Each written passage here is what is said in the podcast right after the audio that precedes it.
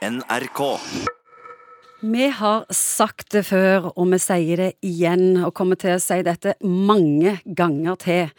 For det virker som hele verden har tungt for å forstå det. I 2050 risikerer vi at flere kan dø av infeksjoner enn av kreft. Som ved et trylleslag kom antibiotika i 1928. Vi kunne fikse all slags sykdommer som vi før døde av. Men nå, bare i Europa, dreper resistente bakterier 25 000 personer hvert år. Og det går bare én vei. Nye beregninger viser at bakterier vil være skyld i 10 millioner dødsfall på verdensbasis fram mot 2050. Det er ikke bra, det der. Hvorfor skjer dette, Morten Ja, Montvik? Du, han, eh, Alexander Flemming han fant penicillinet. Han fant det, men det tok 10-15 år før det ble kommersialisert, sånn at man kunne ha antibiotikatabletter. Så det, det var ikke et voldsomt trylleslag. Det tok tid. Det var en kjempejobb. Det var en kjempejobb. Og da lurer jeg på, Hvorfor er det ikke flere som eh, finner opp nye antibiotika når dette er så stort problem? Eh, Det kan du spørre om. Det her er nok ganske tydelig økonomisk side i dette her. For det, legemiddelfirmaene er jo opptatt av å tjene mye penger. Og tjene mye penger gjør de dersom de selger en medisin som folk må ta hele livet. Infeksjonssykdommer behandles i løpet av en uke, ti dager, og så var kuren ferdig, og øh, det var det. Det er ikke så mye penger å hente på det der. der. Så det er ikke interessant nok å berge mange liv? Det er ikke interessant nok. Nesten ingen av de store legemiddelfirmaene har noen antibiotikaforskningspipeline nå. Så da burde det jo komme økonomiske ordninger som dekker inn Ja. det økonomiske tapet med Det- å utvikle nye antibiotika. Ja visst burde det det, og det, det jobbes det jo med. Man blir stadig mer og mer klar over at dette her er man nødt til å ta på alvor på internasjonalt eh, initiativ.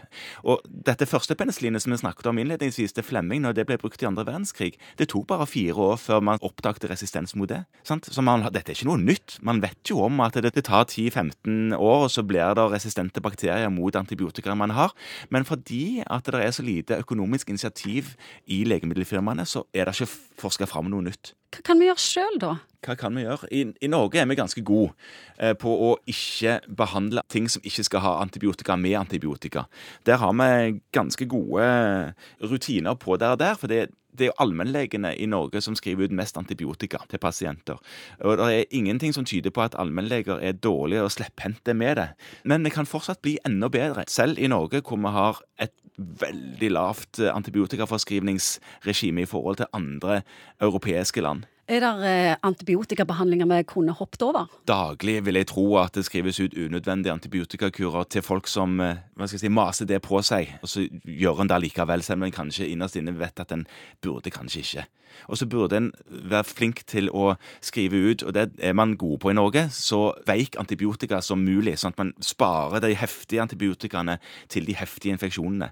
Og så må man jo opplyse om at øyreinfeksjoner, øreinfeksjoner, halsinfeksjoner, bihule og bronkitter og sånne ting, de går over, men det kan ta opptil et par-tre uker det før det er over, men du skal ikke ha antibiotika av den grunn. Og så er det andre strategier som man kan bruke, sånn som det setter en vent-og-se-resept, hvor man får resept på antibiotika ved beskjed om å ta det dersom det ikke blir bra. Da begrenser en bruken enda mer. Og det er gode strategier som man bruker i Norge, som man antagelig burde brukt enda mer av òg i utlandet. Hvordan tror du et legekontor vil se ut om 40 år?